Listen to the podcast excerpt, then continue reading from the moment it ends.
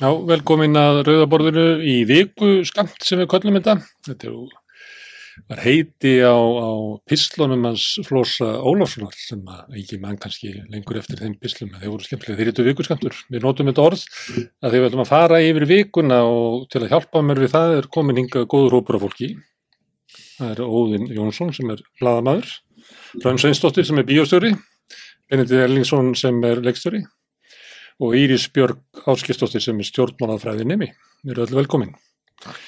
Herðu, það er, það er svona efnahagsmál og verðbólga og vextir sem eru að verða hérna svona mál dagsins sem er svona framhalsaga sem að gengur í gegnum alla fréttatíma og umræður. Mm. Ég veit ekki hvort að fólk er að tala um þetta í bottónum en óðina að þú er nú elstur og mannst þetta verðbólgunni. Já. Veistu gaman að fá hann aftur? Já, maður allavega sko, maður allavega sko tilbúin í það sko, ja. maður, maður ólst uppið þetta og, og hérna mann eftir umræðinu um þá sem maður höfðu sko forgangin að, fjármagninu í bankonum sko, menn voru svo hefnir, mér heldur, heldur bara vissluðið fengur lán, ja. gáttu hérna dreigið einhverja pening út á bankanum, út á bankastjórunum, því að lánin brunnu. Já, en núna akkurat sko, en núna er, svo gerist, gerist hann og þetta var allt sem að verða tryggt eins og við þekkjum nú heldur betur. Og þannig að staðin er nú önnu nú bara forða sér allir frá lánastofnunum mm. af því að lánin eru, eru, eru, eru dýr á Íslandi. Og uh, þessi umræða er náttúrulega uh, einhvern veginn þannig að, að fólk veit eða ekki hvað það á að halda um þetta. Sko er þetta bara Áskir Jónsson sem bara gerir eitthvað reglubundið, hækkar einhverja stýrivexti hann segist svolítið verið einn í þessu. Hann er svolítið einn í þessu eins og aljant einn að glíma við fórinjuru fennjana akkurat sko, hann lýsir eftir því að ríkitjónin gerir nú eitthvað meira og, og einhverjir aðrir gerir eitthvað meira og það talaði um þjóðarsáttir og svona í gamlum stíl en það, svo umræða eru alltaf mjög grunn fyrir þykjumanni og mm og ég var nú á fundi eða svona ráðstöfni hínum yfir göttuna þetta sem áskil hljópi yfir göttuna og áarpaði fólk sem var að fjallum eh, ferðarþjónustuna og hann svona hafði nú aðeins húmor fyrir sjálfum sér kallinn og sagðist nú hann, hann hafði svona aðeins verið að huglega það hætti að við að mæta sko á þennan fund. En eh, og sagðist verið voru núrskaplega leiður og þannig að teni bröndurunum. Mm.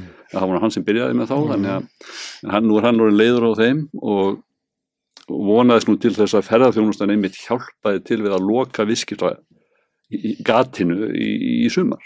En það er búið þenslu líka. Það, svo eru það sko og þá streymir inn gjaldirir, meiri gjaldirir og, og, og það lokar kannski í viskita gatinu en þá, þá, krón, þá, þá hérna, færis krónan til og mm. hann mun sjálfsagt kaupa bara gjaldirir á móti til þess að, að, að jafna gengis sveiplunar. Mm en uh, aðalega er maður bara hissa á því að það er bara svona almennu borgari að maður er einhvern veginn er að býða eftir því að ríkistjóðin stýji inn í þetta með einhverjum hætti með einhverjum, einhverjum svona klassískum aðgerðum eitthvað sem að geta hægt á þessu mm. og svo býðum maður líka eftir því að, að það verði meiri umræða bara um verðlækningu í landinu, hvaða hlut uh, vestlanir er að taka, keðjurnar er að taka, keðjur sem er í eigu lífir í svona. Mm. Samkynns eftir því að við benda það, það er vaksandi okkur, álægningin hækka bara. Alveg klárlega, alveg klárlega, bara í Svíð þó til dæmis uh, er, er mikil umræðan nákvæmlega um þetta mm. þar óðbýðum en sko, miklu lægri tölur mm. og óðbýðum en um það og, og, og þar er mikil umræðum það, það sé og mikil álægning, það sé mm. okkur, mm. það sé fákjefni og svo framvis. Hvað megum við þá segja? Mm. Og, og verkarinsengin held ég gæti beitt sér meir í þessu, tala meir um þetta, tala líka kannski bara meira um, um gjaldmiðlamálinn krónan er náttúrulega bara óskaplega erfið við að eiga sko í þessu skoppara kynnilega mm. sem hún er. Nú, Rann, er þú tím ásker í barátunni við verðbúluna? Ég veit ekkert í hvaða lið maður á að vera sko, en, en ég er sammála ónum með það eða mér, mér fara að finnast eins og að verða að fara, það hljóta að fara að draga til tíðinda af því að ég er alltaf að lendi því að fólk sem að, í fólki kringum með sem er ópolítist a.k.a. Mm. stuður framsókn eða eitthvað mm. e, það er farið að ókjörast og þegar svoleiðis fólk er farið að ókjörast því aðgerraleysið og þögn ríkstjórnarinnar og bara þetta endur efni að áskir enn einu sinni hækkar uh, stýrivexti er orðið bara óbærilegt og fólk finnur það.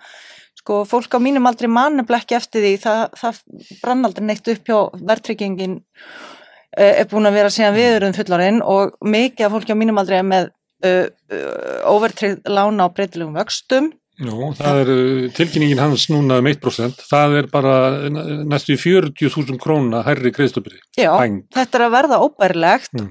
fyrir alla og, og líka bara hver einasta búðaferð er orðin bara eins og eitthvað meiri háttar fjárhastleg skuldbending, eitt kvöldmatur og við vitum alveg þetta er okkur, mm. við vitum það all og ég menna, ég er að reyka fyrirtæki og, og þessar launahækkanir starfsfólks eru náttúrulega bara sko e, þessi umræða um stöðuleikan og ábyrgina á uh, verðbólgunni í samfélaginu, við sjáum það sjálf að uh, þeir sem er að selja vörðunar er að nota tækifærið og hækkum 20% mm.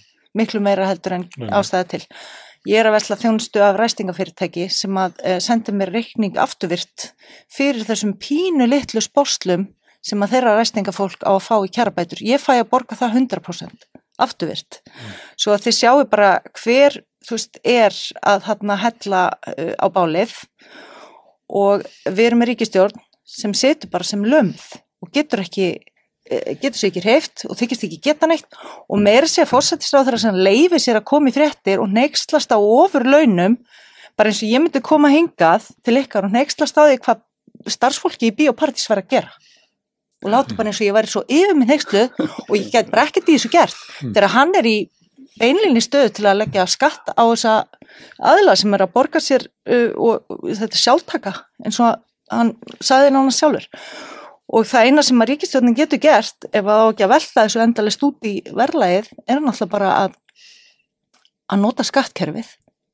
Skilur við, ef að fyrirtæki allar að, vest, allar að, allar að velta öllum kjarabótum fólks út í verlaðið mm.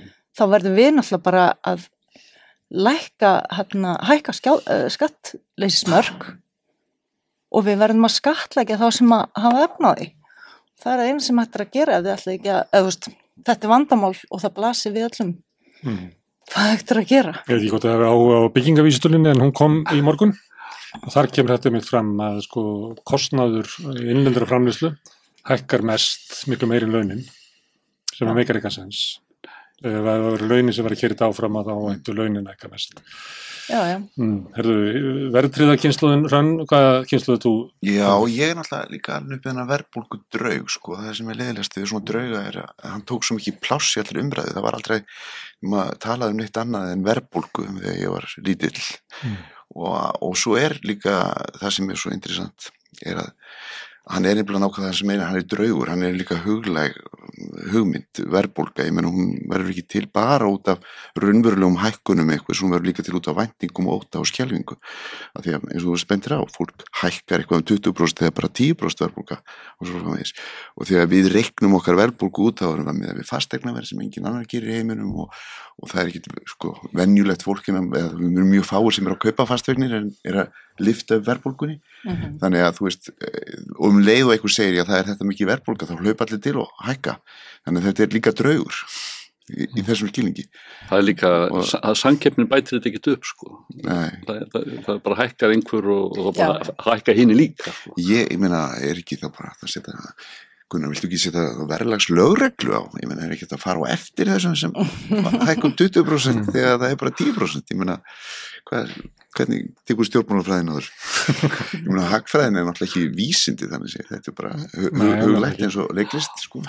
Já, en hafið, er, er, er við först í einhverju svoleiðsleikriti eins og hagfræðin sé sko raunveruleiki? Já, er það ekki hún er, hún, er, hún er bara það er verið að ráði í hegðun mannsins og væntingar og óta og skjelvingum mannsins og svo gera minn einhver líkun og reyna að ráði þetta og, og svo klikkar það eða ekki mm.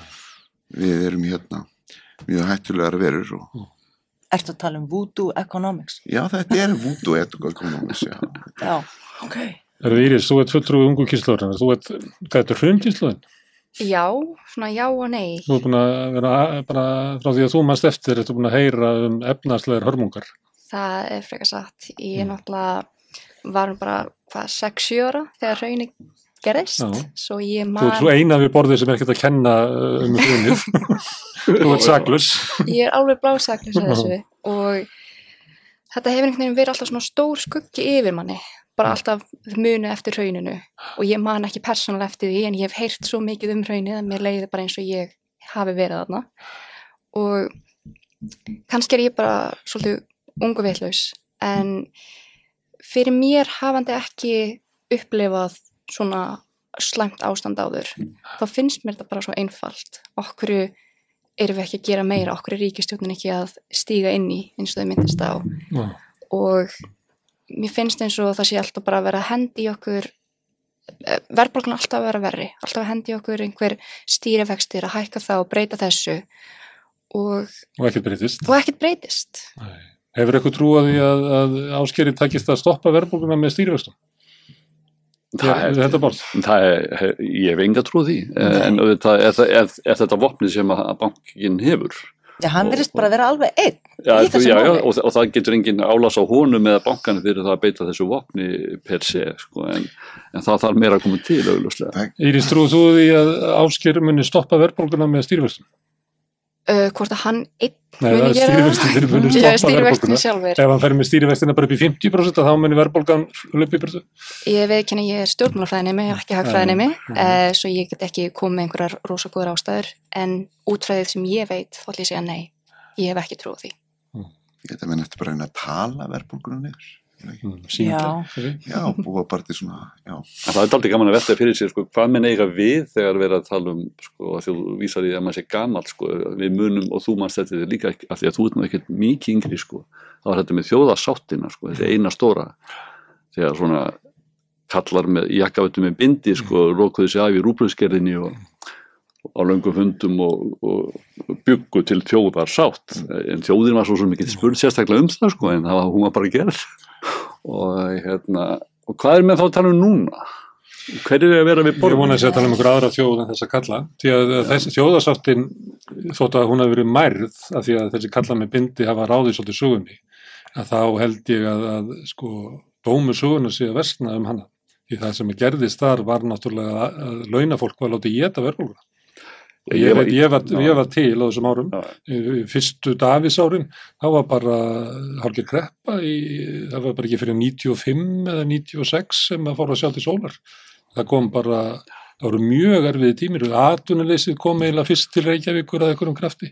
Það var mjög slæmu tími, það sem að var bara, verðbólgan var bara tróðið ofan í kokið á launahólki. Já, var ekki, fullt, var ekki þá svona bylgja af fólki sem flutt til Noregs eins og í, hérna, Norris, Danmörkur, mikið. í hrunnu, þá flutt, flutti fólk af því að þetta var bara óbærilegt. Næstu áriðin eftir voru mjög erfið. Ég var fréttamaður í Danmörku þá og fór í, í lítið sjávaþorp á Jólandi, Hanstholm, Já, gerði, gerði, gerði mynd, stutta mynd.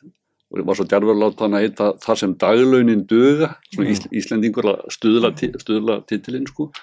Ég fekk á mig bara fúla gaggrinni frá Íslandi sko, frá ráðamönnum sko að ég væri svona landsölumadur og væri að hvetja fólk til, til, til að flytja úr landi. Þarna talaði bara við verkafólk sem vann eh, 6-7-8 tíma og mærði þetta nýja líf. Og þetta var bara svona eins og að kera nýra e, Rifi eða Ólasvík eða eitthvað svona lítið pláss.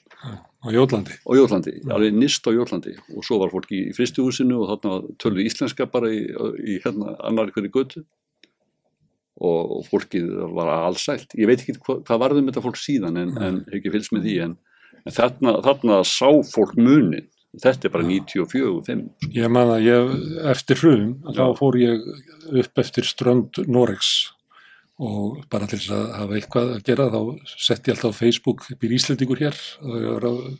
Já, staðum sem var að koma næst og talaði við mikið Íslendingum. Og það var nákvæmlega sama sem að maður heyrði þar að fólk svona þegar það var búið átt að segja á því að hvað trist manni þegar maður var að tala við maður þá byrjaði að segja sko ég var búin að vera hérna kannski 2-3 mánuð þá veldi ég fyrir mér hvaða þræla kista er Íslandi eiginlega? Þú veist, fyrir hvern er það samfélag hérna þú veist getur við átt börn hérna getur ég bara unni dagvinnuna mína og lifa þokkalur lífi já. Og eignast húsnaði eignast bara á húsnæði. þínum líftíma Já. og ég veit það, maður spyr sig, þú veist, hvaða ólega sveikamilla er þetta? Já, það var mér að hérna, mikið reyfing sem barðist fyrir því á sínum tíma að við gengjum inn í Noreg Það var áhrifin af þessu. Já, Já. það er ekki af því, þú viltu koma okkur inn í Noreg En þeir eru nú ekki allsælir hérna, verkafólkið er nú ekki allsælt þessa dagana í, í, í Danmörku eða, eða Nóri eða í þessum löndum sko vegna hækkana á orkur, Orku. orkureikningunum sko. En það er þessi, þessi svona hugmynd Íslendinga eða þú veist þeir eru losna út Já. úr uh, hamstrahjólinu. Já, Þið kannast við þetta. Já, en, já, en í Skandinavíu, í Noregi og annars staðar, þá er ríkið að niðurgreiða orkuverð til almennings af því að ríkið á ennþá meir en 70% Já, af já. uh, uh, virkinum og, og orkuframleiðslinni. Það væri, ef við værum í þessari stöðu, ef við værum svona tengt í markaðin, þá er lengur búið að enga við allt hér og við værum öll að borga 250.000 á mánuði í ramasreikning og ríkið væri ekkert að niðurgreiða það því að þeir hefðu ekki afnáði því að þeir ætti ekki orkuna. Mm. Það væri nú einhver búin að finna einhverja agalega, eh, einhverja svona eh, snild út af því. Mm. Það er beinandi, en þetta hlutverk hérna, þetta er áavert hérna, áskil kemur fram Mm. heldur blaðamannafund Mm. segist einhvern veginn að vera einn að glíma við og, og við skeppnuna Já. þetta er eiginlega eins og úr einhverju, einhverju skaldverki Já, Þú þekkir innleik svo vel. já þetta er, ja, þetta er er er. Já, nei, nei, en ég minna að það er þetta stórkurslega vandamál í að þetta er eina hagstjórnartækið, er ekki sem menn hafa, beinlis og svo, svo er þetta að tala niður verðbólkunni ég minna þjóðasáttin, hvað snýrst hún um það? Búið til móral meðal þeirra sem höfðu valdi til að leggja á. Og þannig þeir fylgdust með hverjum öðrum og skömmuðu hvern annan og, og svona stoppuðu sig af að hlaupa til og vera hrættir og leggja minna á en annars. Þetta er náttúrulega bara hugmynd. Þetta er bara stemning sem verið var- að búa til. En var þjóðasáttin, Og- var hún bara svona, þú veist eins og fyrirtæki í dag tala bara um siðferðilega ábyrg, svona, þú veist, eitthvað algjörlega bara nei. óskilgreint. Nei, það voru barðir, það voru barðir niður, niður sko aðrar kröfur, verk, semst bara eins og ríkistafsmenn og aðra, ég Mhm. var nú í þeim hópi sko, það var bara barðir niður sko að við fengum ekki þar hækkanir sem að stóðu til að við fengjum og Já, svo þannig að ríkisvaldið hefur þú allavega tækið til þess að glíma við verkaliðin, skilur það, hann stoppað hans hækkanir, Já, já.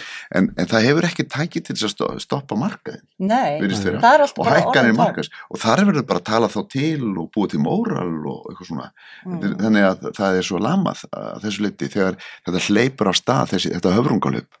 Mm. Það var þannig að, að eh, verkalýðurinn sótti launahækanir Mm. og þá var gengið felt Já, til þess að, að Já. fyrirtækin gætu borgað fyrstu nýju launin með jaftmiklu eh, áreinslu og áður. Með því að, að eh, verkalýðurinn bara glifti verðbólguna og sótti ekki bætur í þjóðasáttinni, að þá hættu verðbólgu, þannig að gengisfellingar. Og það var... Vísluverkunin dettur út sko. Já, þannig að það verður miklu, miklu minni gengisfellingar frá þjóðasáttinni. mm, En þá náttúrulega kostuðu hlutin það sama frá einu mánuði til annars, svona í ákveðin tíma sko. Mm. Já, já. Íris, að því þú ert, uh, stæðstu framtíðina hvað er hérna, nú erum við að tala um Ísland svona sem þrælagistu og svona hvað, við gamla fólki hérna how do you like it how do you like it á tjúleika. Þetta læti mér virkilega hlaka til um, en mér finnst það bara mjög rétt hjá ykkur af því það er bara staðan eins og er í dag Já. og núna til dæmis þegar ég er að hugsa um að kaupa með fasteign og hvað ég gera og vinnan þannig þá er Ísland og íslenska markaðurinn ekkert sérstaklega spennandi Mm. mm. þá er bara draumurinn eða að flytja út og hvort að Skandinavia sé ennþá einhver paradís, ég veit það ekki. En það er bara svona er einhvern veginn svo ómögulegt að vinna inn í þessu kerfi sem er nú þegar bara brotið, þú veist, maður getur farið og krafiðist betri laun og gert eitthvað en síðan kemur verðbólga og síðan kemur þetta og það er alltaf bara verið að berjast um eitthvað, alltaf einhverju að rífast en staðan er alltaf jafn slæm.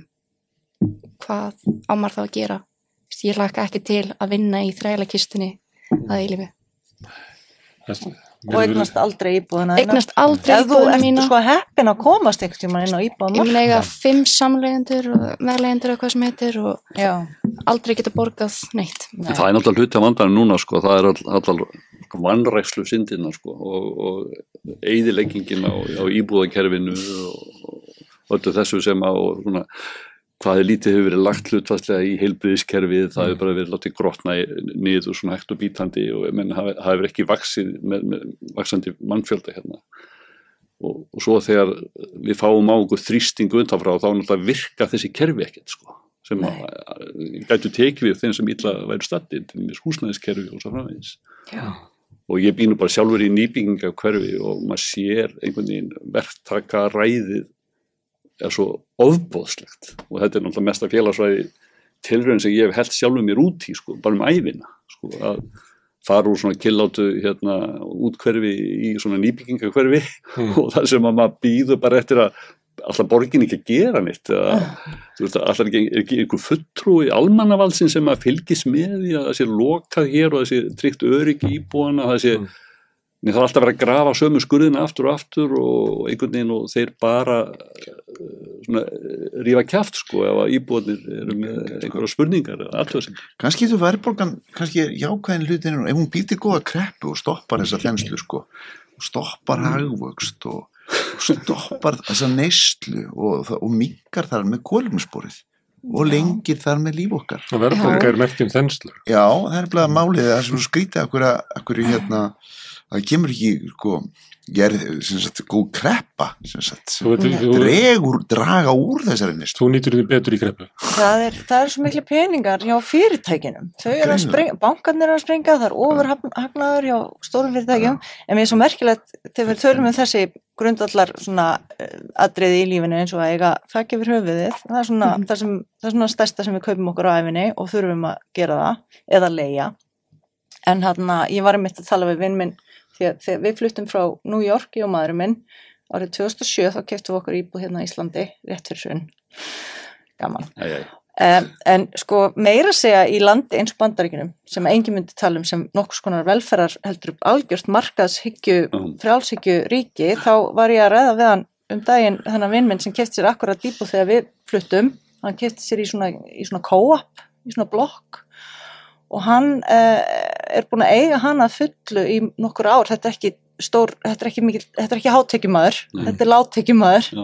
hann eh, eignaðist íbúin að fullu, öfn að selja hana og kaupa sér eitthvað ódýra. Mér fannst þetta bara svo magnaða því að sko bandaríkin eru erfitt frjálsíkju ríki. Þetta sko, ég veit ekki hvað við erum langt frá því að, Svo sumarlegu við liðum á Íslandi. já, Ísland er samt ekkert að senda frábær skilabóð til unga fólksins til það vil koma út í lífið. Um, háskólinn ætlaði til þess að hækka skrásningagjöldin sem betur fyrir að búa falla frá því. Um, Bastegnamarkaðurinn, hræðilegur. Það er bara svona Leigumarkaðurinn. leigumarkaðurinn Já. Ef þú ef þú ert á námslánum þá getur ekki, þá færðu bara námslán fyrir húsalígunni og þarf bara í, þetta rík. Og ef þú vinnur á sumrin þá er skerðast er bætunar. Svo þú veist, hvað eigum við að gera? Mm. Veist, þið talið um að þetta hafi verið slæmt þarna, þetta er alveg jafn slæmt núna. Þetta er Ísland er miklu heldur ekki paradís. Það, verður dag. núna í þessari viku að uh, fólk sem að tekur námslán, það er helmingi færri núna heldur fyrir tíu árum. Þannig að námslánakerfið sem var til þegar þeir voru yngri, sem var til jöfnunar, til þess að tryggja það að allir hefðu aðgang að, að mentun, það er eiginlega fallið. Mm. Og enginn uh, rætti það, bara fyrir, hún var að skrifa um þetta, hún Alexandra Ír Van Erden núna í vikunni, ég, það kom mér ávart. Kemur þetta ekki ykkur ávart? jú, bæði, bæði og sko, það, Helmingi færri sem er á námslánu núna heldur fyrir tíu árum. Og það eru miklu fleiri sem eru í námi Já, líklega. Og ástæðan er meðal það sem Íris er að segja, ef þú, er, þú veist, að þú getur ekki lifað námslánu, þá verður það að vinna við sumarið Mm. og þá vinnur þú of mikið þannig að þú færði ekki námslán. Þessar fréttir koma mér til dæmis alveg núl á óvart. já. Ég, ég get ekki hugsað mér að taka námslán það er bara búið að hræða menn frá því það er svo margir. Vist, ég hef full að trúa að þetta hafa kerfi hafa verið sett upp í góðri von um að, að bæta aðgengja námi en í raun og verið þetta núna bara einhvers konar gildra. já. Ég get ekki hugsað mér að festa mig sjálfvel í þessar gildru. Og allt sem maður heyrir um hennar sjóð er svo svakalega fjandsamlegt uh, skjólstæðingum þess. Þau eiga að vera að þjóna einhverjum hópi en allt sem maður heyrir um sjóðin er svona eins og þessi stríði við einhverjar afætur sem þeir þurfa, þú veist, þeir voru að heyrða íbúð af eldri borgara Já. og allt þetta og þeir 86 ára gamandi útvista þeir útvista ábyrgðarmanns, til enga aðila sem að fá hærri prósentur eftir hvað þeir ná að kreista mikið út úr, út úr fólki sem á ekkert. Mm, Og hann á að standa undir sér, þannig að ef að Íris takir námslán, þá á vakstakreislunar hennar að tryggja það að börnum þín geti farið í nám. Þannig að þetta er, þetta er þetta er hugmyndir svo að sjóðurinn sko að námsfólki standi undir sjóðnum og þeim sem að deyja og geta ekki borgað og falla niður og kostnanum við rekan og að námsvennin sjálfur borgið þetta bara. Já, Þetta er það- ekki- þetta er ekki samfélagi Þetta er ekki svo heilbriðiskerfi eða eitthvað sem að við erum að hald, viðhalda Mm. til að bæta samfélagið. Þetta ásennst Ó, að bera sig sjálft, alveg Já. svo almenningssamgangur. Já. það gengur svo vel nefnilega Já. Já, þetta er undarleg hugmyndfræði. Mm. Það er margt svona í samfélaginu. Þú nefndir húsnæðskerfið, vakstabótakerfið er, er eiginlega ónýtt. bara þannig. og það tekur svona meðaltekjum mann já bara alla starfsæfina því mann sé nánast óhætt að segja að það eignast húsnæði sitt svona meðaltekjum mann hann er, hvað er hann, 30-40 ára vinna fyrir þessu ha. og hvað er hann búin að borga íbúðun oft með vöxtum ha. Hvað þremur, þremur og hálfum sinni. Herðu, það er annar mál sem að kom upp í vikunni sem hafi verið síðan haust. Það voru kröfur foreldra til á borgina fyrst og fremst um leikskólapláss fyrir 12 mánuða komin börn. Já. Hvað segir um það? mér er aldrei liðið eins og ég sé jafn hæf að ræða málefni Mm. Ég, ég er hérna, re- reyndar á ekki bara á leikskóla núna, það er nú ekki langt síðan, en það, eins og ég skil þetta, þá er búið að skilgreina leikskólan sem fyrsta uh, stig uh, mentunar Mm. og það þýðir að það er hæft fólk, við erum ekki bara með, veist, uh, þennan og hinn að passa, eins og þetta eh, var- voru gæsluvellir eins og Mm. og svona, nei, nú á fólk að hafa háskólapróf og það á að vera með mastersgráðu til að sinna þessu starfi eða minnst átti bíagráðu, þetta er fimm ára nám í mm. kennarhásk. Já, launin eru hræðileg Mm. miða við hvað þú hefur þurft að leggja á þau með tilheyrandi kostnaði í eh, námslán og eða hafa eh, sjá fyrir þér meðan þú ert í námi. Svo að það, það blasir við mér á þess að ég hafa skoðað þetta mikið er að þú veist, þú getur ekki lofað uh, öllum börnum frá tólmána aldrei þessi pláss ef að, ef að það er ekki búið að búa til viðandi aðstæður þar sem að er, er þetta menta að fólk er að vinna og fólk sækist eftir því að, að vinna í þessu. það vantar samt fólk og það fólk sækir samt ekkit endilega í þetta starf einmitt að því að það veit að það þarf að fara í hvað 5-6 ára nám, byrjunarlaunin eru og síðan eru- 600.000. einmitt, launin þarna hvernig Já. á það að draga fólk á þetta er hópur sem þarf virkilega nú er ég ekki foreldri og engin börn Já. en bara að hugsa um að senda fólk þarna því þetta er, það er ástæði að fara í nám þetta er ekki badnapía, þetta er ekki ég 16 ára að passa fyrir nei. þetta er fólk sem hefur lært fræði Mhm. og er að veita þess að Þetta eru sé kennarar. þekkingu, þetta eru kennarar Já. Og það eru tvöfald fleiri starfsmenn á 12 mánuða barn heldur en 6 ára til dæmis. Mhm. En þetta kerfi var ekki hugsað til enda þá verðist vera að, að hækka kröfunar á mentunni en e, einhvern veginn láta launin ekki fylgja en, en, og, og svo einhvern veginn strandar kerfið Og svo lofaru öllum að allir komið Já, stað og eins og þetta snúist bara um að byggja ykkur hús. Svolítið svo landsbytalinn, þetta snýst bara um húsið. Ég, ég var að segja, ég var svolítið imponeraður yfir aðferðafræði mótmælana, þetta er náttúrulega endur tekið efni, þetta er annars skipti sem við taka Mm. þarna á hús, þetta er hústaka Mm. og hvað hún myrtist vera effektífist, hvernig stjórnmálamenni voru alveg skjálfand á beinunum og lofuð öllu fögru, fögru og, og allt tínu var þessu búið, að- búið að kipa þessu í liðin, þetta var svo flott sjónsefni, lítil börn og, og mæður og feður þarna inn í ráðhúsinu og, og stjórnmálin réði ekkert við þetta og alveg lögðust flött og, og svo kemur þetta fólk bara aftur þegar emdirnar eru ekki Það réttar. er það er og þetta finnst mér vera samtökamáttur og, og jú, gefum þeim pluss fyrir það. En svo að því að ég er náttúrulega ekki bara svona félagsíkjumadur eins og þú Gunnar, þá er ég svo einmikill einstaklingsíkjumadur líka. Að ég fer að hugsa um hérna barnaheimili Ós sem var svona þar tók, tóku fólkdra sér sjálfur saman í gamla dag, svo hans er Ós? merkileg, nei ég var reyndar aldrei svo heppin að komast á Ós en ég á marga vini sem voru Ós og það er mjög merkileg saga um samtakamátt og félagstróska og, og fólk sem bara bjóð sér til sitt eigið barnaheimili.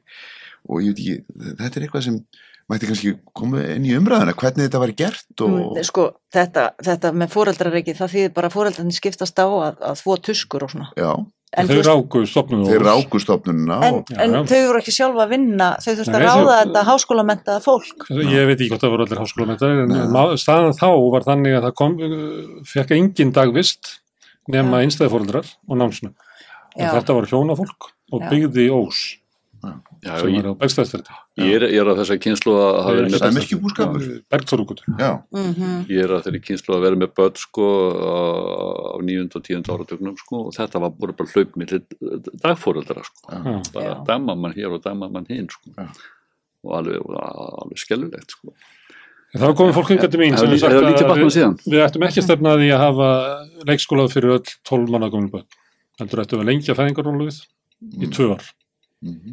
Og auðvitað verið sumir sem að færi með börnin á, á þetta ætti ekki að vera svona algild regla. Mm. Og vandamáli er umvöldlega eins og kemur fram í viðtölunum við fóreldrarna að þau verða að komast út á vinnumarkaðin að því það er ekki hægt að lifa af einum launatjekk Mm. Og nú er, barna, nú er fæðingarólfið búið og þá komaðu bara með barnið og rétta degi bjöð Mm. að því ég verða að fara að vinna annars missum við húsnæðið Mm. og kannski er sko lausnin ekki endilega að byggja sko leikskóluna heldur að lengja fæðingarólfið búið til meiri aðlugun á vinnumarkaðnum það er í Svíþjóð er þannig, ég held að sé alveg upp til 12 ára aldurs þar sem að fólk getur krafist þess að vera í hlutastarfi af því að á börn Mm. af því að þá er það litið þannig að þú þarft að vinna Mhm. svo þetta eiga eitthvað félagslíf til þess að endur næra það sjálfa þig og svo þetta að sofa og svo kemur bandin í þetta Mhm. og ef að, að vinnumarkaður segir nei, við ætlum að taka alla þess áttatíma sem við eigum og gefum ekkit eftir þá annarkort tekur bandið af því söptíman eða frítíman eða En þið það, veitir það því á en það, það var ekki allir efn á því að, að vera í hlutastarfi. Nei, þá verður hérna þeir sem er ráða fólki vinnu verður Já. ráð fyrir því að, að vinnuaflið eignast börn Já, Já, og það er mikilvægt að, að það sé hlúða börnunum já, já, já. Já, þannig að uh, þá verður þú að því að þú átt barn og það er Mhm. mikilvægt fyrir samfélagið Mhm. þá er þú að fullu launum þó þú setja 70% vinnu. En þetta er Já, líka annar hluti af þessar umræðu, hversu, ég þekki þetta sem voruð, hversu sárt er að, og erfitt getur verið að, manni finnst það oft ótímabært að láta barn til dagfórettis eða leikskóla og snemma og einhvers staðar er eðlis kvöt í manni að maður vill það ekki Mm. og, og það, maður gerir það illri- það ekki. og barnið vill það alls ekki og maður gerir allt til þess að hafa tíma sem styrstan og, og, og þannig að það, það er einhver instinkt þarna í okkur og það er verið að binda mjög sterk bönd og leggja stóran grunn og, og þetta er svona svolítið, önnur hugmynd í, einu sinni í gamla daga eða ekkert fyrir löngu síðan þá heldum við að barna heimil og vöggustofu veru lausn allra mála ég meina Haldur okkar lagstins talaði mjög heitt fyrir vöggustofum sem hérna væri bara, bara upp af hvem frelsis og okkur framvegis Mhm. uh, hann var kannski ekki þarna velmentaður í þessum málum á þessum tíma uh, þó hann hefði verið klár í mörgu Það verður mikla sanginnispætur sem að að borga ef Já. hefði ekki ráða. þannig að það, það, er, það er annar hlutur í þessu. Þannig að það er eins og við höfum ekkit löstnina á þessari, segja, gildru. Annars vegar eins og þú segir að vera frjálsmanniski og vinna fyrir sér og hins vegar að alveg börnin sín og koma þeim vel og legg. Þarna er einhver árakstur í okkar kerfi og, og það að, að, að flýta að gera búið til leikskóla hún tekur við 6 mánuða börnum eða 12 mánuða börnum með mentuðu fólki er kannski ekki alveg lösni Já, ég mérst ekki galin hugmynd að fólk hafi meiri tíma með bönnum sínum. Já, En það er alls konar svona gildru sem þarf að varast eins og það að kallarnir íti þessu frá sér að því að þeir eru á harri launum eða fólk sem að vinnur uh, listafólk og einirkjar og alls konar sem er ekki, þú veist, það var svo erfitt að fá þetta helvits fæðingarólof ef Mm. þú ert uh, verktaki. einmitt Uh, Herðu, það var smá teknilegur, uh, teknileg bílun hérna, þannig að við höldum bara áfram. Við kláruðum nú umræðumina meðan að við vorum ekki í loftinu, en þannig að við ætlum að skipta bara um, um gýr og um, það er svo eins og kaldastriði sem komið aftur af því að ég er nú búin að vera að kalla ykkur verbulgu kynsluðinn og raunkynsluðinn og svona, þið eru náttúrulega allavega þú Óðinn og, og Benedikt, þið eru kaldastriðsbörn. Já, já, ég líka, ég ólst upp já, Íris sem er þessi, hún er komin í mitt Mm. kaldastriðið ég ólst upp í Já, hérna, nýtt, já, það er búið að finna nýtt kaldastrið, nýtt hrun, allt fyrir Íris. Já, já, já, Ég ætla ekki, ekki að halda það fram að ég muni eftir kúpudelinni sko, en, en, en svona, maður er fættur fyrir hana. En nú er það komið aftur. Já, já og nei sko. Mm. heimurinn ekki kannski alveg eins svartkvítur sko, en, en hann er tölvöld flóknari og spilararnir í geimin eru miklu fleiri og, og, og víðar og, og það eru risin upp ný stórveldi sem að hafa kannski meira afheldur en, já ég veit það ekki, Sovjetminn höfðu náttúrulega þess að gáttu ógnað kannski með kjartnorkuvopnum og svo framvegis og okkur var talin trúum það á sínum tíma. En ég vil nú ekki alveg því að það séu komni sömu tímanir en það er allavega það er einhver ógn sem að uh, æ fleiri hafa áhyggjur af og maður oftast náttúrulega um sína afkomendur og, og alla sem einhvern veginn að va- vaksa upp með þessu sko, þessu andrúmslofti, polariseringar og, og, og, og svona góðu kallarnir og vondu kallarnir og allt þetta sko og en, en heimurinn var nú svona enn svartkvítari held ég á mínum uppvastar árum, smorri, held það. Mm. Mm. Það er eiginlega þema þáttarins að við, við vorkinum Íris í að þurfa að lifa í þessum heimi sem við erfum hann af. Ég, ég byrjaði að lesa þjóðviljan hann að 12 ára gamall og þá lærði ég það að, að það voru tvö eða þrjú ill stórveldi Já. í heiminum. Ég meina þjóðviljun á þessum árum þannig var ekkert að bera blaka á Sovjetiríkjunum Já.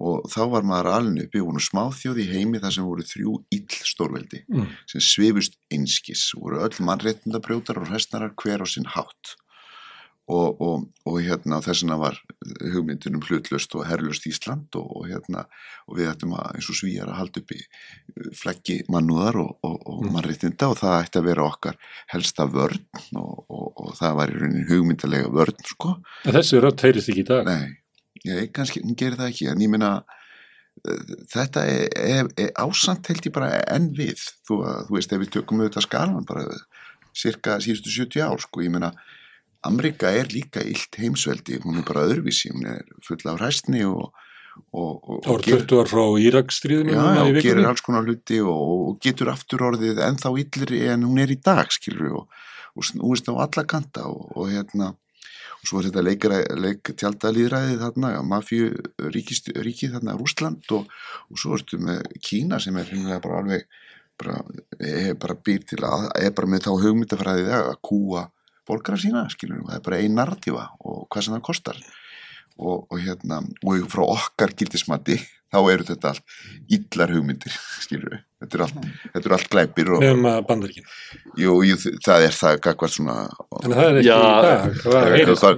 Það heyrist, ekki í það heyrist ekki Það heyrist ekki í hernaðarastæðum. Ég heyrði, heyrði, ég heyrði stjórnmálafræðingi mjög virtum hér sem að orðaði þetta einmitt svona sko eh, og svo tala um orðan tala um NATO sem við erum svo lánsum að, að, að, að vera, vera hluti af og, og, og maður svona, svona gamlega kaldarsýrsbarni svona brá við sko að þetta væri bara svona viðtekin sko stjórnmálafræði sko Mm. afstafa og, og, og sjálfur er ég hérna ekki andvígur aðeins Íslands að NATO núna en ég er ekki að meina það með þessu heldur bara að, að þetta væri bara svona eitthvað viðtekið sem ættum bara að, að, að þetta er ekkert að ræða frekar það er náttúrulega alltaf nýtt sko Já, Og við erum þetta hérna, mjög ha. merkilegt.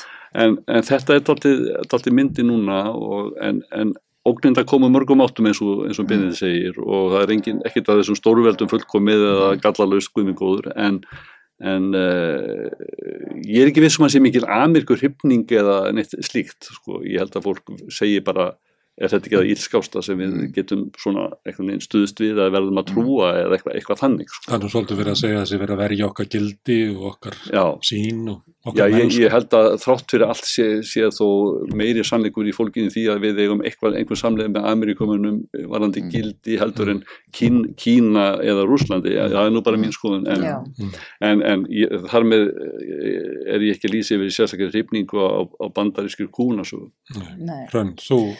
Vera Já. kaldast í spann? Ég, hérna, ég ólst upp í Keflavíkugöngunni. Já, Það eru svona mína fyrstu minningar, hann að svart og sigurlist í myndinans Hilmar Sotssonar. Ég Já. vor býr flashback, þú veist, að þau voru Já. alltaf með barna skemmtiðatrinn í göngunni og þessi ganga var oft svo erfið, sko. En já, við, ég ólst upp við að Ísland ætti ekki að vera í NATO og, og sönguna og allt það og, og kjarnorku vanna, þú veist, en hann hræðsluna við kjarnorku, yfirvandi kjarnorku stríð. En ég held að það sem hafi breyst sé ekki svo hugmynd sko að okkur finnist allt einu bandaríkin ekki vera hérna e, kúunarríki sem þeir eru sko, heldur frekar það að við erum, erum orðin svo glóbal og við treystum því einhvern veginn betur að að minnstóksti ríkir einhvers konar fjölmiðlafrelsi ennþá í bandaríkinu.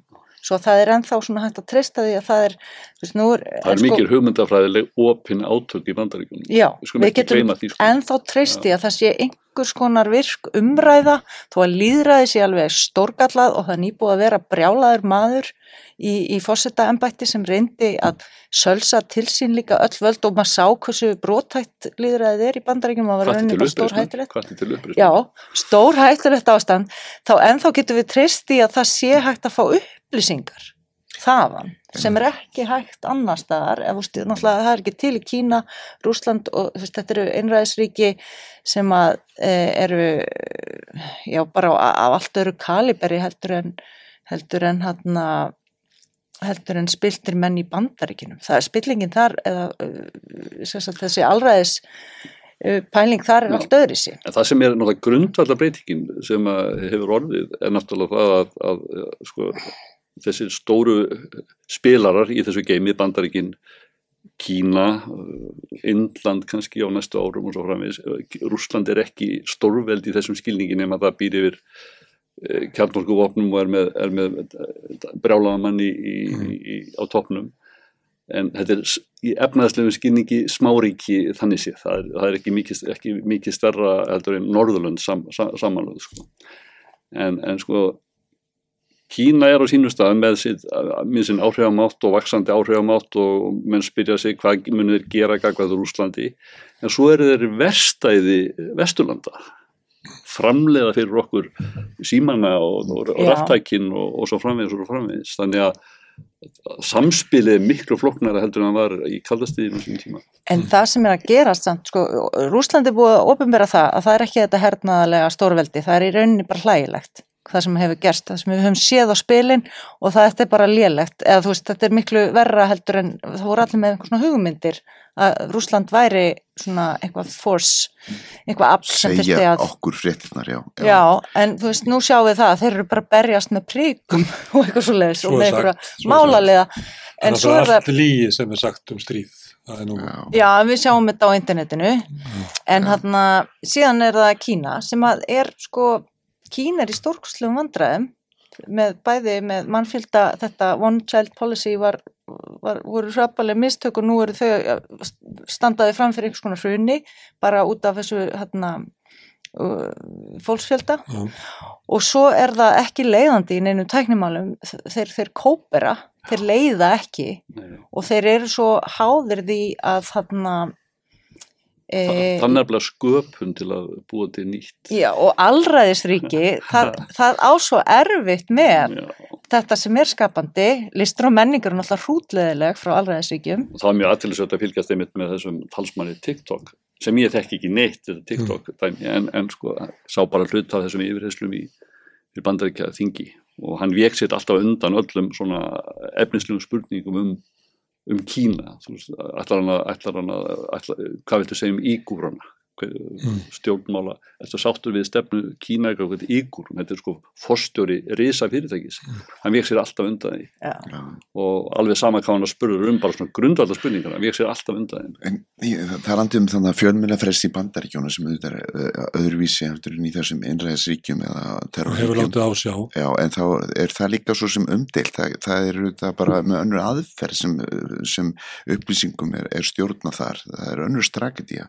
Ég veit ekki hvort að Nóman Tjómski, ef hann er lesin eða þá í stjórnmálafræðinni, hvort að hann já. skrifa undir, undir það að, að það væri sko eitthvað svona uh, eitthvað, eitthvað upplýsingafrelsi í bandaríkjónum og hann tilur, talar um það sem st- stærsta afrek hérna Pentagon, hvernig þeir hafa sannfært millistjætt bandaríkjumannum hvað þeir eru frjálsir og frábærir og, og hérna mikið upplýsingafrelsi Og svo Já, líka já. annað sem er gæst eftir að Chomsky var að segja þetta, Já. það er náttúrulega hefur svona klopnað svolítið sko heimurinn í. Þannig að menn er að, hérna, það er ekki sko samilu vettfangur þar sem að menn er að, að skiptast á skoðunum.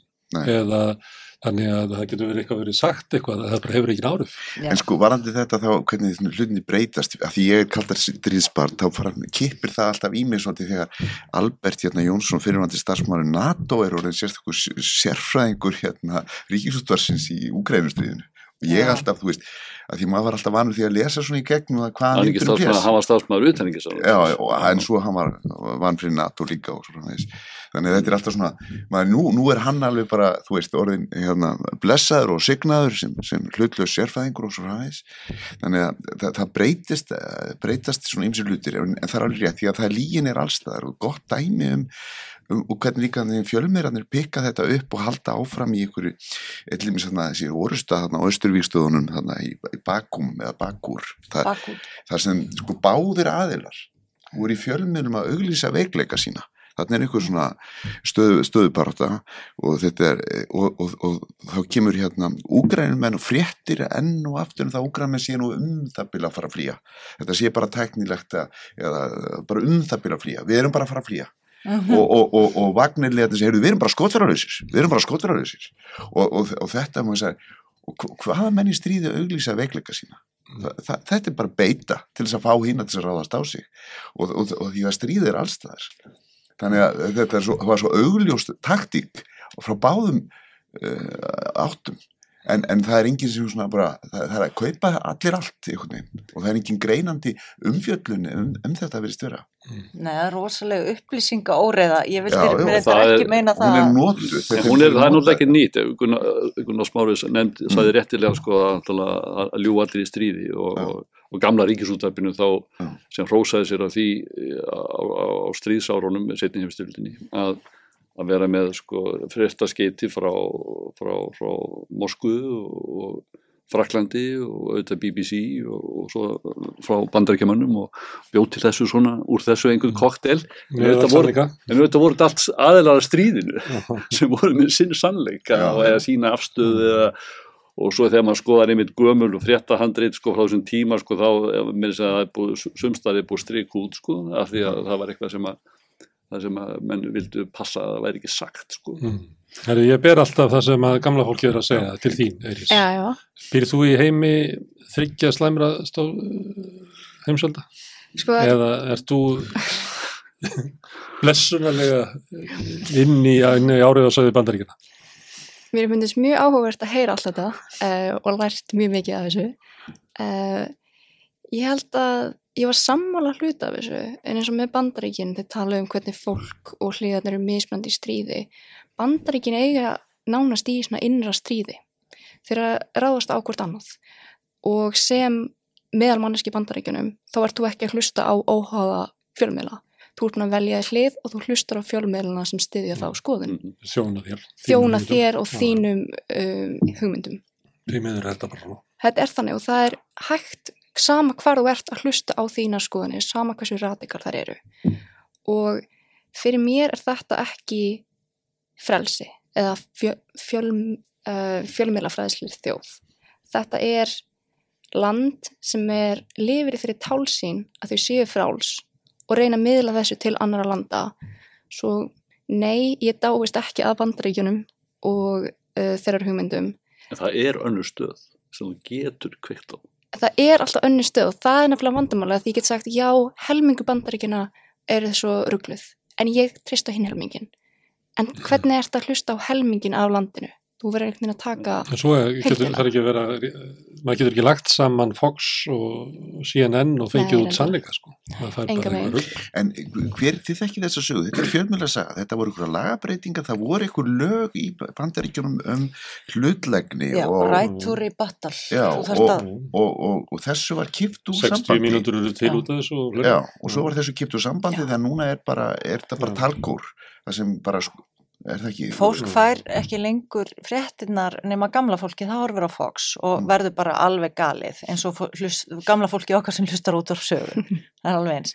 En fólk fær fréttinnar sínar af samfélagsmiðlum og samfélagsmiðlarnir eru uh, náttúrulega þessi gróða maskina bara eins og kassi í Las Vegas, bara reyna að halda þér við tækið Mm. og þeir þrýfast mest á polariseringu og reyði, Mm. réttlátri reyði og þess vegna líka, það hefur auðvitað eru samfélagsmeila að reyna að vekja tilfinningar þeir veist, halda áfram að posta greinum sem gera þeir reyða, leiða, Já. hrætta og allt þannig. algoritmin algoritmin Spilar á þig. spila á þig Mhm. en síðan er þetta ekki bara fjölumælum sjálfum að kenna þar sem veist, stjórnmálamenn eru aktíft að grafa undir uh, þessi frelsi Þú veist, Mhm. Trump með sínar fake news veist, áköll Mm. þetta lætur fólk ekki treysta fjölmiðlum eða bara treysta ákveðnu fólki og þetta grefur undir einhvers konar hatri, hitt fólkið og þeirra hlusta á legar, ég skal fræða þig og allir eru bara endalis átök Ég Þetta er er fórnalam þessara luta líka, ég, ég, ég treysti engum.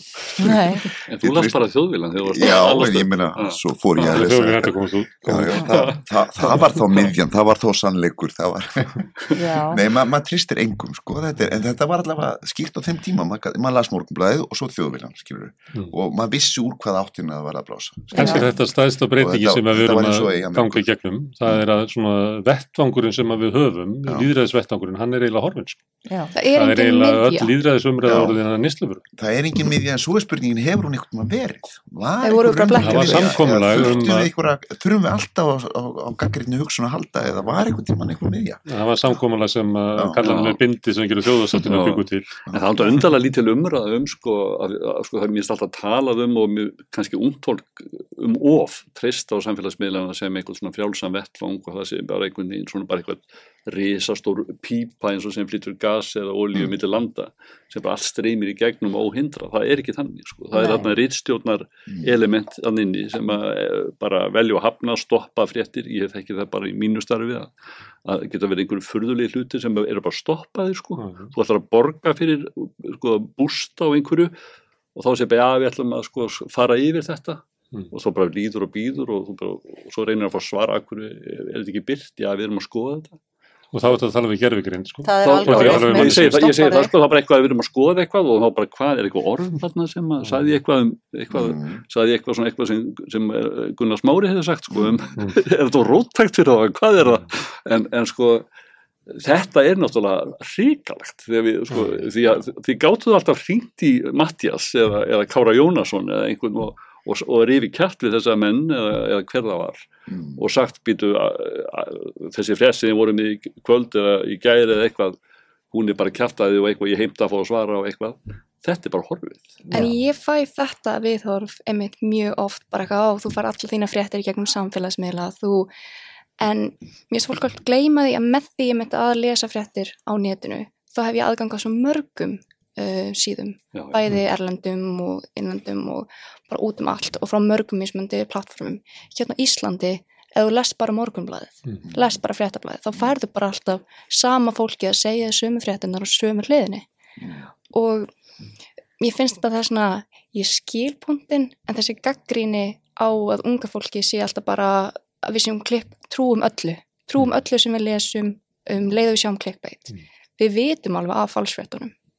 Og ég trú ekki öllu sem ég les en Nei, maður ég átti getur heldur ekki reynt við að það. já, já, já, Ég átti ekki endilega við að þið tryðið, ég heldur bara að þið treystið náttúrulega eðlilega á að þetta sé, sé frjálsi vettfangur sko. En svo Sem hann er, hann sem að Íris benda á til þess að raunverulega getum að tekið bara blað sem er gefið út í Suðu Kóru og lesið þið gegnum Google Translate Mm. sem Mhm. er náttúrulega bara ævindirarlegt að það sé ægt. Mm. Það er náttúrulega aðgengjum þess að upplýsingum Það er er bara stjórnlust. Já. já, já, svo sagði ég held að mjög margir maður trúir þessu að því maður sér þetta og lúka svo legit En, en þetta er líka umræðum um TikTok sem er mjög interessant og margræð uh, og ef við bara skoðum hérna þessi ótti við áhrifavald, sko, hvernig heil kynnslóð er þetta að móta heila kynnslóð með algoritma, halda að, þú veist, möguleikin er fyrir hendi að það er þetta að halda að jákvæðri sín um Kína í gegnum TikTok, skilur við, hreins út allar neikvæða fréttir, eða halda mjög neikvæðri sín, gagvart einhverju, skilur við, Mm. eða einhverju gildismæti.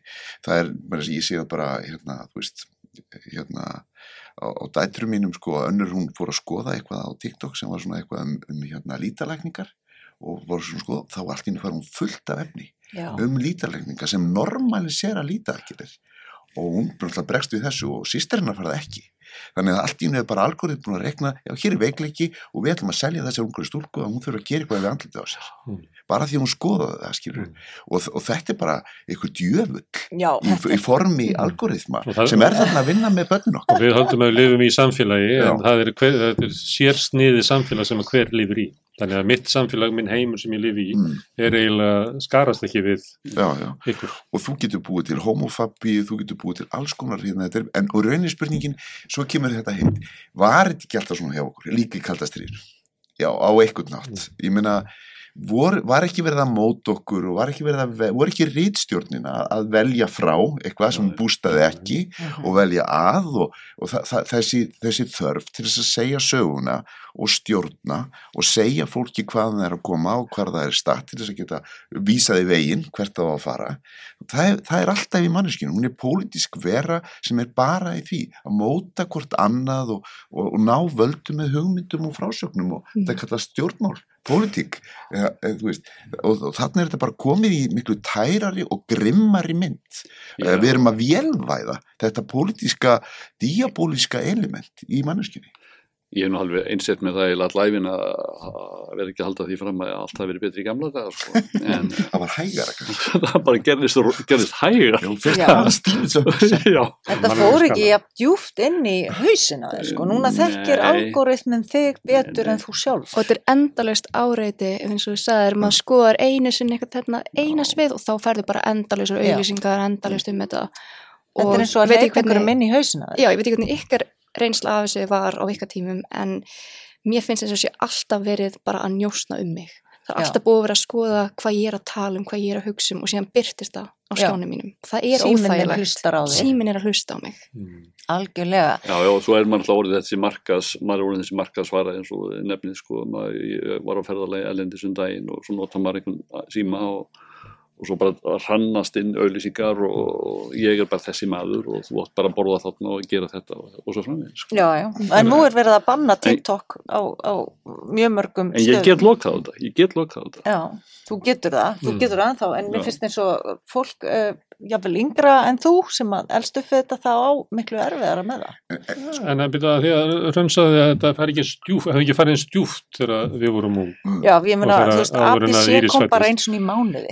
ekki viss um þetta. Ég held að sko, eh, þegar maður ólst upp, ég hérna, er um tvítur ekkert í mann 81 í samfélagi sem að innprentaði mér sko ótrúlega fordóma gagvart svörtu fólki, Já, það var... ótrúlega fordóma gagvart bara öllu Mm. og það var bara í allri menningunni, það er ekki eins og ég hafi verið alveg upp af einhverjum nýnæstum sko. Þetta var bara, maður sogaði þetta í gegnum kanasjónvarpi Já, og, og, og þegar, þannig þegar maður er orðin fullorðin þá er maður eiginlega bara eitt stórt kippi af fordómum gagvað sko fötluðum, samkynniðum lituðum bara you name it já, já. það voru bara kallanir sem að gera þjóðarsáttina með bindið sem voru bara normal allir aðri voru bara ónormal En og þannig að þetta fór alveg rosalega djúft Mm. kaldast í áróðurinn eða eitthvað djöfullin það var sem var tróðin í hausinu á mér já, já, en þú veist, Þú þetta er ekki ekki hlusta á bara... nóg mikið jazz þegar þú varst ungur. Það hefði verið betra. En En, þetta er ekki bara vestræð Mm. tíðarandi heldur, ertu hérna í, í, í afdölum, þú veist, í, þú veist Ísland er ógislega sveit og við erum og við erum ekki með neina erlenda menningu, sko. við erum ekki með neitt til þess að sína okkur uh, Hvað er ég með að segja álst upp á Akureyri? Já, Já. með fordóma það er gagvað alveg- reylingum Já, já, já. En mér langar að spyrja Íris eða Og svolítið, að því að við erum að ræða Kína og við erum að ræða TikTok og, Mhm. og, þarna, og þessi, þetta nýja kaldastið að það verður svo, það verður svo lengi talað um það, þú veist að ef að, ef að 18. öldin var frönsk og 19. var bresk og 20. öldin voru bandaríkin sem var- settu þarna, standardin standardin fyrir heiminn og svo hefur alltaf verið talað um að nú væri tími Kína, því að sko bandaríkin eru þetta hnignandi veldi sem að þú hefur ekki mikið álita og ég held að margir á þínum aldrei e, séu samansinnis en, en svo hugsa maður um Kína sko Kína er ekki kreatíft, það er ekki dýnamíst, það er ekki með hugmyndir, það er ekki leiðandi það er ekki með listur og menningu sem eru spennandi.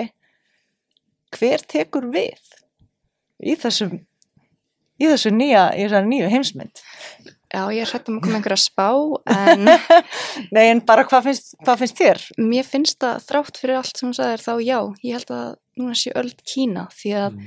þó að Kína sé ekki leiðandi í kannski nýsköpun Já, þó er Kína samt með svo ótrúlega mikið mannauð og all til að gera hluti og þau munu alltaf ná einhvern veginn að gera betur. Bandaríkinn gera þetta, þau gera það tvisasunum betur, þau gera tvisasunum hraðar. Já. og þú sér það bara eins og uh, í sambandum hvernig Kína næra standa annar staðar í alþjóðasamfélaginu eins og með stríðið í Úkræinu og hérna hvernig öll vesturíkin eru búin að náttúrulega fordama þetta. Og núna, núna nýlega hitti náttúrulega Putin fórseta Kína eða fórseta einur þessara. Og þá gefst eða gefur Putin honum bara allt sem hann vill að þetta er Kína og hann hefur engan annan kost að því að Kína hefur þessa sérstöðu að geta staðið fyrir utan það, getur, það þarf að vestla við vestræn ríki en það getur líka vestla við hinríkin Mhm. það hefur þessa stöðu fyrir ofan alla við getum séð um allt. Það er einhvern veginn það líta allir til Kína sama hvað það er Já. Þar heyrðu það hrein. Það er komin, vel kynnaði bara byrjuð. Sko Nixon hann setta hérna svo sólskín stefnu í gang til þess að gera Kína og humanistísku Mm. rík, ríki og þeir voru að skipta við Kína og gáfu sem sagt kýmveska dreganum töfrasprota kapitalismans en hann breytist ekkit úr drega í, í fyrildi sko, hann held áfram að vera dregi og er það, og eins og þú ert að tala um hugmyndin um nýsköpun, hver leiðir í nýsköpun sko, þeir hafa fundið bara aðra strategiu sem virkar alveg vel, þeir bara stela hugmyndum en er eins og Íris bendir á öbluri og fljótari að kópiðra þær og gera þær og það, það er önnur strategía svo er, svo er þessi mann- og, Mannum, sko. og, og, geta þessi á aðra dag- og aðra fýðlu, það eru sko 1,3 miljónir Já. kynverja sem eru konið sko lengra. svo er þessi áhrifatífambil ekki heilar aldir endilega sko. Það, það, þetta, er, þetta er ekki sko, öld þess á og svo sko. ég um Já, ég veit, ég veit hvað við sko, Og svo er eitt sem þeir- Japan var átti sinn, sinn, sinn hlut af, af af, af 20. öldin sko, bara sem mjög öflugt Þá óttu spaldar ekki benni Japan. óttust þá mjög mikið. Og það er eitt sem þeir eru að gera rétt að þeir leipa ekki börnunum sínum á TikTok ekki að þetta TikTok sem við okkar börnir á. TikTokið í Kína er allt öðruvísi. Það er- það er mjög svona mentandi og uppbyggilegt TikTok. Já. meðan okkar er bara einhverjir heimsklegi dansar og hvað. það eru mörg uh, átakamál í, í samfélaginu. Eitt var, uh, já, einhver myndur orða að það var líkt til, líkt Það var útlendingafröðumskrið. Já. Íris, hún er að skora á forsetan að hérna, skrifa ekki undir lögin. Já, mér finnst það uh, alls ekki fárunlega hugmynd. Það hafa verið að spyrja mig, okkur er það þessu? Okkur eru þið að byggja um þetta? Getur hann eitthvað gert? Og ég held að fólk uh, sé ekki meðvitað um þennan málskotarétt í 2007. grein uh, sem er náttúrulega skiljinlegt, það sem hann hefur svo sjaldan verið nýttur. Um, en í þessu máli, eins og þessu, það sem þessi hagsmuninir og útkoman eru svo ótrúlega mikilvæg þá er svo mikilvægt að manneskja eins og guðni taki afstöðu. Það sem okkur og mörgum öðrum líður eins og alþingi hafi brugðist. Að það hafi látið um, einhvern málstað gegn mannréttindum vinna. Og það komst í gegn og ekki, þetta var ekkert nálætt í að vera felt. Þetta komst í gegn með alveg háum tölum. Og því finnst okkur ekkert óðalegt við það að byggja okkar þjóðarleitó eða þjóðarhefingja um að, stand, að taka afstöðu og standa með mannréttundum og sína alþingi að ef þið ætla ekki að hlusta fólkið þá er hann allavega að hlusta fólkið og skjóta þessu til þjóðratkvæða og skjóta þessu annarkvort til þjóðaratkvæðgreislu eða þessi dreigði tilbaka. Stu, ég verð að taka undir þetta öllu svona, þetta frumvar gengur gegn öllum grunni gildum okkar. Uh, þarna eru veiklar meiri heimildir til þess að stoppa börn á flótta. Þetta er brítur barnasáttmála saminu þjóða mannréttindasáttmála og líklega stjórnarskrá. Og, Barnasáttmann líka lögfestur í og, Íslandi. og allt það. Og í rauninni er verið að sko veita e, það er verið að búa til e, tæki til þess að koma í veg fyrir það að hægt sé að skoða e, mál barna á flótta. Það er verið að auðvelda ráðurunum að kasta þessum okkar minnstu bræðurum og minnstu systrum út á gattin og þjóðkirkjan ætti nú að koma upp og standa með ykkur. Mm. þetta geng, gengur gegn öllum kristin gildum. Þetta er bara beininis verið að ráðast á Jésubarnið sem var líka barn á flótta á fyrsta ári. Og, og hér er bara endurtekið þessi, þessi, þetta falli orð pastelrassistarnir í útlendingastofnun og í dómsráðuneytinu og í kærunemnd er að fá enn eitt vopnið til þess að pína lítil börn. Og skemm, og ég, fyrir ekki, við tökum þetta aftur, ekki pína það lítil börn, afsækið kæru pastilrassistar, þeir eru að fá enn eitt vopnið til þess að íta þessum fólki út á gattin sem kemur hérna til okkur, þetta er ok- okkar, við sem, við fólk sem erum sjálflóta fólk frá borgarastriðum, Ég meina, við erum flóttamenn frá Noregi og Írlandi. Hingað erum við komin fjölþjóðlega samfélag. Mhm. Ef, ef einhver ætti að taka múti þessum, akkurat okkar minnstu bræðurum, börn á er ekkert Takk fyrir þessa barátíkar. Já, ég, ég- ég, eins og ég segi, ég held að hljóta að fara að draga til tíðinda því að við erum með flokk sem stiður þetta í ríkistjórn þess, að þetta er í algjöru mótsögn við það sem að kjósendur þessa flokks telja sig vera að kjósa. Það, það, þetta var nú eitt af þessum uh, prinsipmálum sem er aldrei látið uh, sama hvaða stjórnarsamstarf þessi flokku færi í. Það er þetta, sko umhverfisvendin færi áður en þetta færi, þeir eru náttúrulega líka búin að gefa það frá sér. En ekki hérna mannréttindi uh, flóttafólks það er Þetta bara ótrúlega Er eitthvað svo ótrúlega mikið grunnatrið að það er svo absúrt að það sé raunin að fara að rífast um þetta og eins og hérna, hvað voru það, 30 og eitthvað sem hættu í VFG, einmitt bein aflenga þessu, það er að því að þetta fólk sem er í þessum flokkum, það er ekki endilega eitthvað vond. Það bara heldur að það sé að kjósa á hvernig gildi, að því það er það sem búið að auglýsa.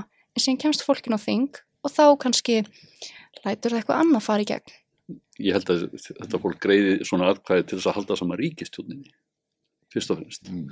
og það er sér bara krafa á, á, á, sem uppið er og það er mikilvægur börnin. það Og er mikilvægara börnin og, sem og ég. Það er engin raustrík reyna. með ykkur ganga sem best í þessari baróttu og ég tek undir það að þessi, þessi útlendingalög eh, eru meðandi fyrir okkur sem samfélag voru og, öll mannúða samtök landsins sem að mæltu gegn þessu. en við erum bara ekki með af því að Bendit vildi gera úr okkur flótta, flótta börn, við varum með flótta börn ég held að við erum bara skattsvikara sem hefum flúið hérna, vonda konga 60% okkar voru náttúrulega þrælar. þrælar alveg rétt, konurnar voru Já, það en, en, en sko við erum bara með, náttúrulega- með frekar leiðilega sögu og, og, og, og, kuldalega gagvært Mm. útlendingum og, og við vísuðum gýðingum frá í, Já. í, í síðadri heimstyrjöld og við, við sópuðum því bara undir teppið og gerðum þetta aldrei upp Mm.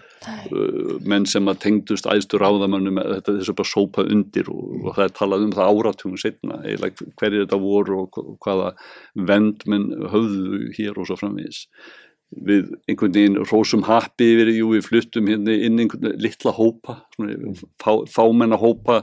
Létu það skipta um nafn. og bara breyta bara um persónur eiginlega og þetta, við höfum alltaf verið bara eins og lítið þorp einhvern veginn í bæjaralandi eða einhver starf, Það verður ekki lengur, ég held að það er ekki, hérna, það er 22% af vinnuaflinu Algjörlega. erlendi ríkisborgar. algjörlega, en það er eitthvað sem að er að gerast núna held ég að við einhvern veginn eh, áttum okkur ekki alveg á þessu og ekki nómið að við séum með stóran hlut, 20, rú- rúmlega 20% vinnu ársins er, er, er af ellendum uppruna og, og, og, og þetta stendur það sig frábælega vel og, og allt það og er bara gott og vond eins og við hinn og svo erum við með náttúrulega erlenda gesti í landinu Mm. sko á þessu ári sko, tvær og- 2,4 miljónir Mm. og við erum 350.000 og þetta fólk hefur náttúrulega gríðarlega áhrif á, á hagkerfið allt og, og, og bara áhrif á mjölkuframleðsluna og kjötframleðsluna og bjórframleðsluna og, og allt saman.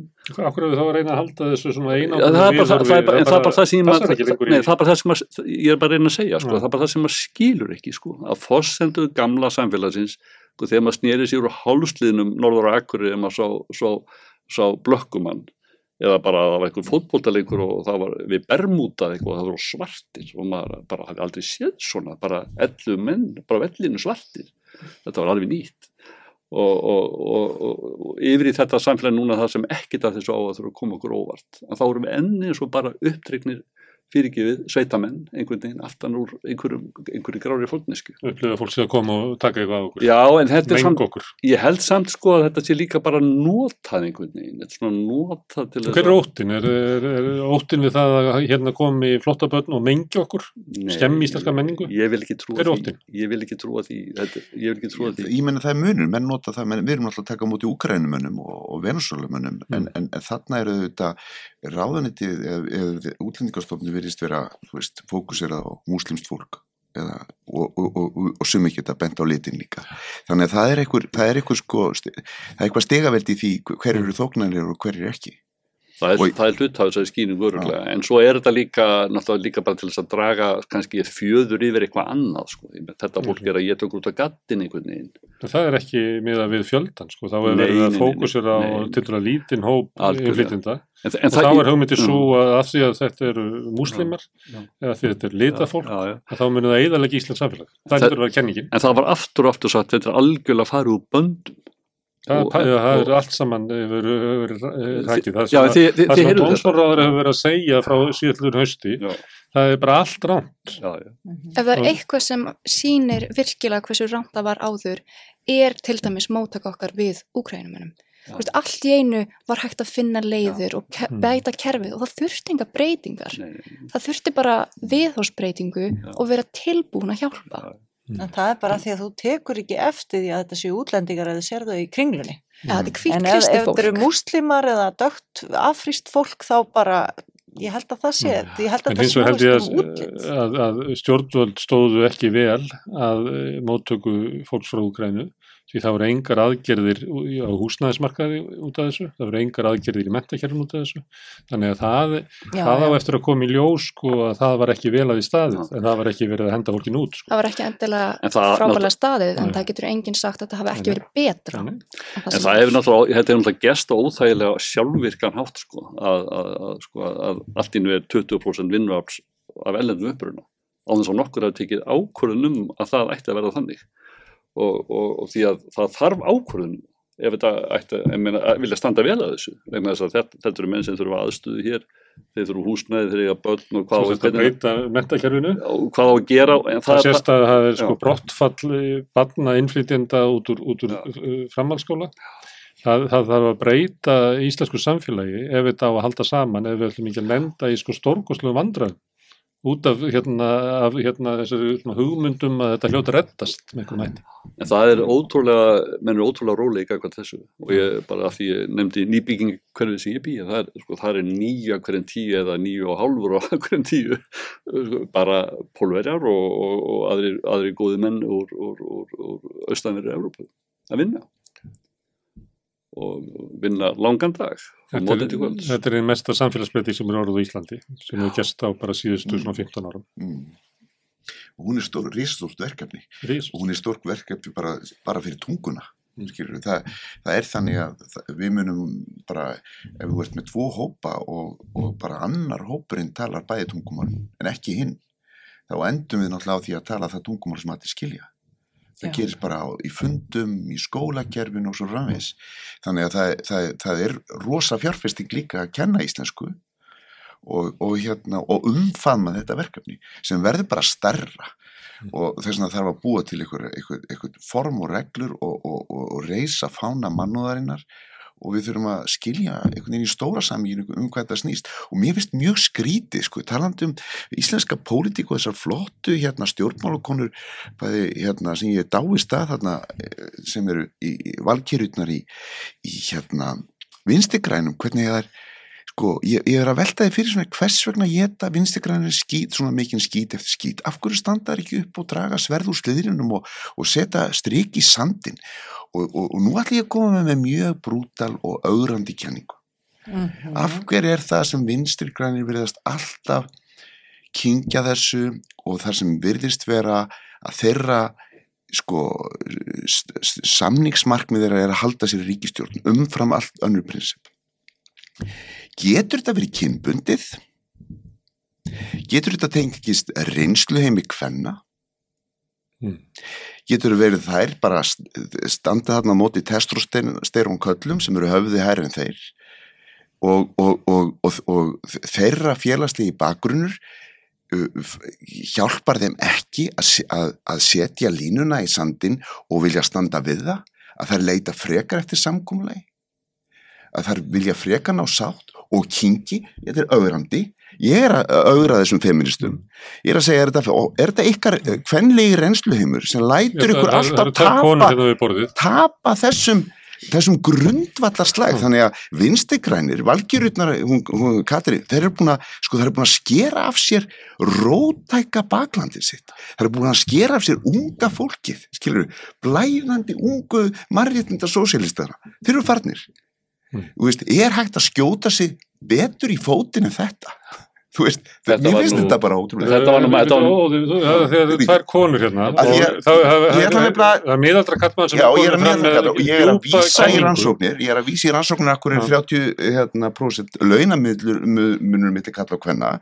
Og meðal annars var rannsóknir svo að, að, að, að, að, að þegar það var gerð rannsókn á þessu þá voru karlarnir harðari í samningaviðraðum og, og, og litu stærra á sjálma sig og höfðu stærra ego og hátílegra á hlutverk sitt og börðust fyrir því og voru jafnvel þó tilbúinir til þess að láta sverja til stáls meðan þær voru auðmjúkari, hóværari og, og sáttgjarnari Mm. og þetta hafi verið hvers vegna kom út úr rannsókninu að þær fengu 30% minnulögn og ég veit þetta er ekki genetist en þetta gæti verið Já. og nú ég, ég er að kasta þessari sprengju hérna fram í Við, skiljum, við skiljum kenninguna. Það er kenning hérna frá miðaldra kallmann yfir borðið. Já. Hrönn, hvað segir Sko, ég, ég á rosalega erfitt með að setja mig inn í hugarheim vinstri græna. þú? Ég bara, ég er að reyna það og ég er búin að reyna það lengi og ég... Það hjálpar ekki að vera kona.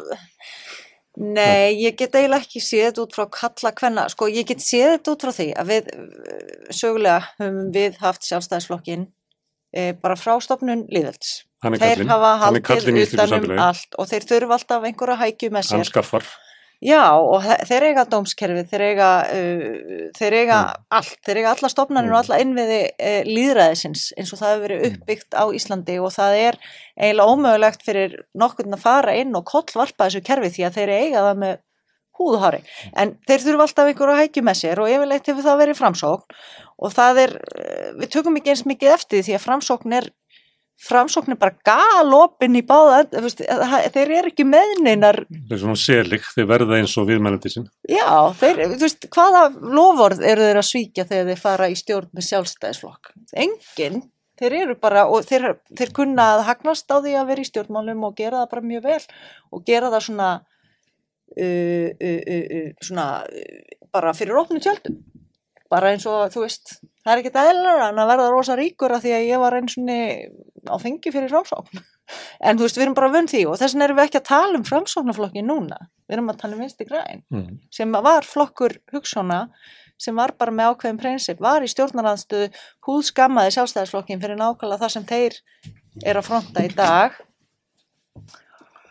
Svo já, þetta er bara mjög undarlegt mál. af hverju tekst Jón Gunnarsinni að svína niður Katrín Jakobsdóttur og svangviti og, og svangviti Nei, Svan Svandísi. Dísi, Svandísi Svandísi Svavarsdóttur Já. Svangviti þessar valkyrjur af hverju fallar flatar fyrir svona kallakalli það láta þetta yfir sig ganga og ég bara og hvað veit ekki hvað þarf að gerast til þess að þessi ríkisstjórn sprundist. Sko, sko, hvenar er komið?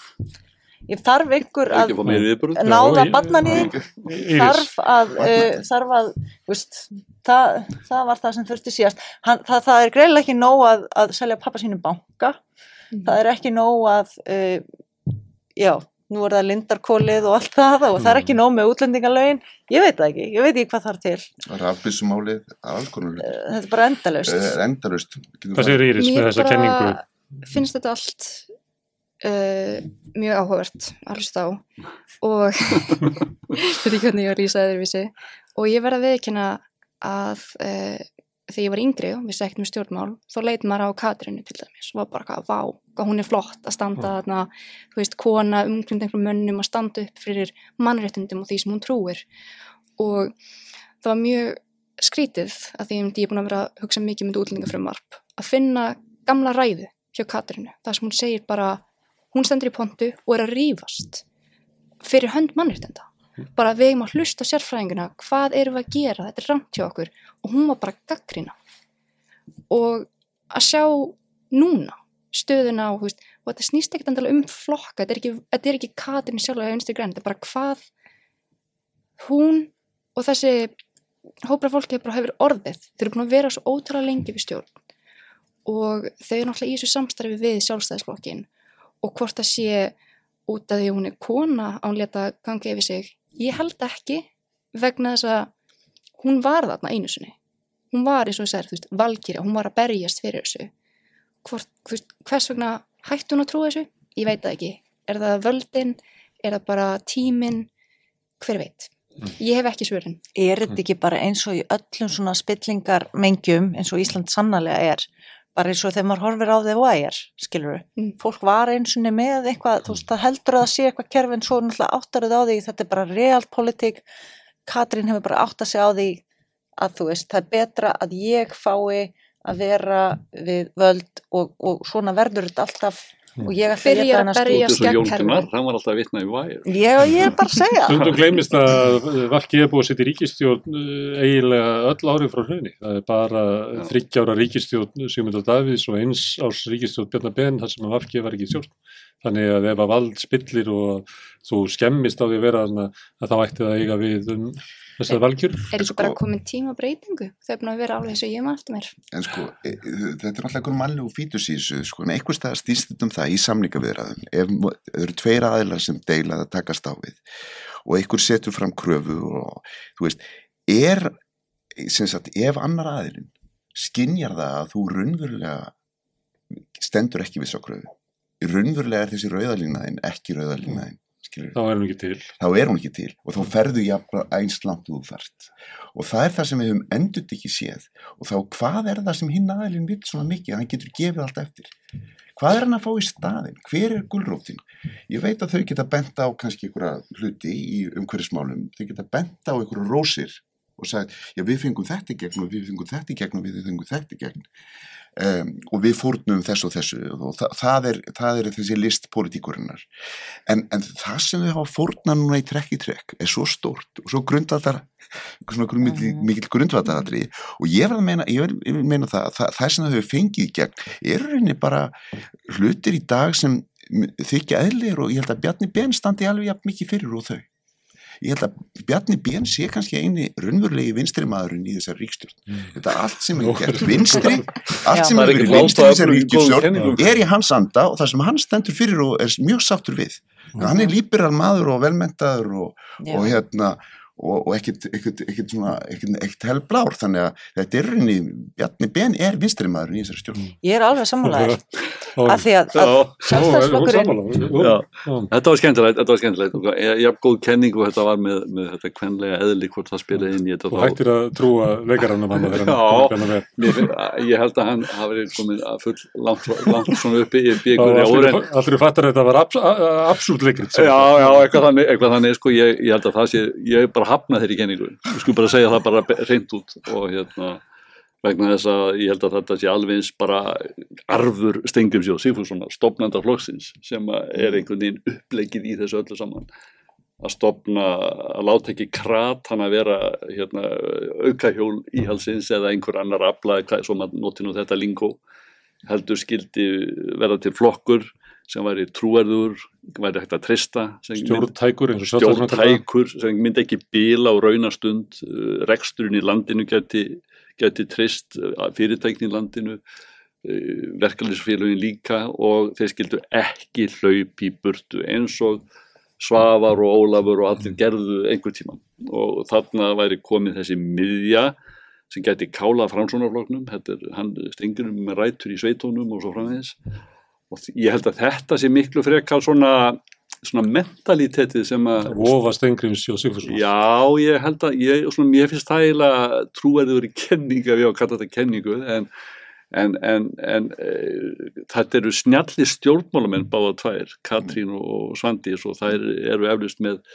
einhverja réttlætingu fyrir sínu, sínu, sínu, sínu pólitík og eitthvað hefur þeim tekist vel og annað miður sem gengur, en, en upplegið bara í íslenski stjórnmálum er bara svo sérkennilegt, sko. Ég var þingfréttamaður lengi og fylgdist með þessu leikriti og, og, og kom eiginlega döð lúin út úr því.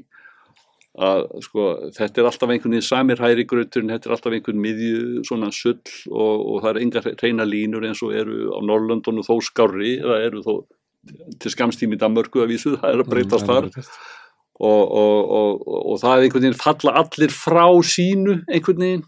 Og þú veist, já við komum þess ekki gegn af því að og vinstri gæni heldur landsfund og með mjög öfluga einhverja álíktanir sem ég las og sagði bara, wow og einhver sagði nú, einhver stað sko, ég vil óskast að þessi flokkur væri ríkistjón og, og sem væri að gera allt þetta róttæka hérna sem þeir voru að samþykja þetta er náttúrulega bara kostnaðurinn við þetta samstarf þessa, við þessa gömlu grónu valdaflokka. Þetta er, þetta er bland, þetta blandast náttúrulega ekki. þetta blandast ekki saman. En menn getur þetta hugga sér výmislegt að hafa náð þessu fram, hinu fram þetta, við náðum þessu, annars hefur við ekki náð neinu fram og, og svo framvegis. En að það er oft sagt sko að verður ekki skárið að vera í pólitík og, og nú er þú að lýsa því að bara það að vera þingfréttir sko og kemur kemur einhvern veginn sár frá borði. já, já, já Þetta er svo slæmt. það var, það var bara mjög bara þannig Já, En þeir, þeir vildu fara í þessa stjórn. Þeir ég vildu vildi fara líka í vera samstarf. sko, að Já. Já. að þetta er alveg þannig sko En þeir lit aldrei á það reyna, sko.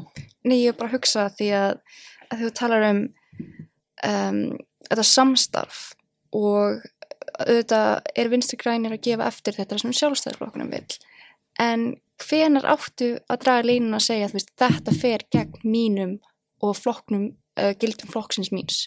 Þetta er ekki ok. Ef þú ert með svona línu, ef að línan er bara svo að ég vil hérna ekki að ríkistjórnin mín springi, þá ert ekki með neina svona línu. þetta er bara, þú ert bara ekki að lýsa íslensku stjórnmál sorry to say sko. Ég er að lýsa það sem ég vildi að það væri. Já, já, en sko íslensk stjórnmál eru ekki prinsip stjórnmál hafa, hafa aldrei verið það svo lengi sem ég mann eftir. Þannig að menn svona reyna að finna einhver svona megin ströym sem þið geta svona nokkurn veginn sætt sér við. Björt framtíð, hún síndi, var nú með prinsip og, og, og það sprakk. og þeim var, og þeim var refsað refsað. harkalega fyrir það. Já, Já. þurkaðir út. Já, það þótti hlægilegt. það var raunlína og það þótti bara hlægilegt. sko. Og allir hinn hlupu til og gleftu þetta og gleftu, og, og vinstrirkanu kom inn og gleftu sér í andisinn. Herðu, ég hérna slæði botnin í þetta, þar sem að, að prinsip fólk er að tala um prinsipluð stjórnmál. Þess vegna eru við ekki stjórnmálamenn, skilur. það er það er nú máli Þess vegna er ég bara leikara fíbl, skilur. Áðinn Hrönn, Benedikt og Íris kæra þakkir fyrir spjaldið og ég þakka ykkur sem hafið sitið heima og hlustað. Þetta var uh, rauðaborðið á föstudegi, við kallum það vikuskamt. Rauðaborðið verður næst á mánudagi næsta klukkan átta. En á morgun sendum við út helgispjall, eh, viðtal við Elsabetu Jökulsdóttur. Ég mæli með því.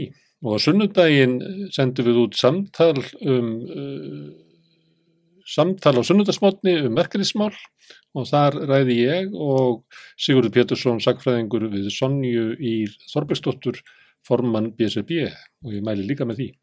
En takk fyrir í kvöld og góð helgi. Samstöðin er á öllum hlaðvarpsveitum. Rauðaborðið, Sanna Reykjavík, samtal á sunnudegi og helgispjall.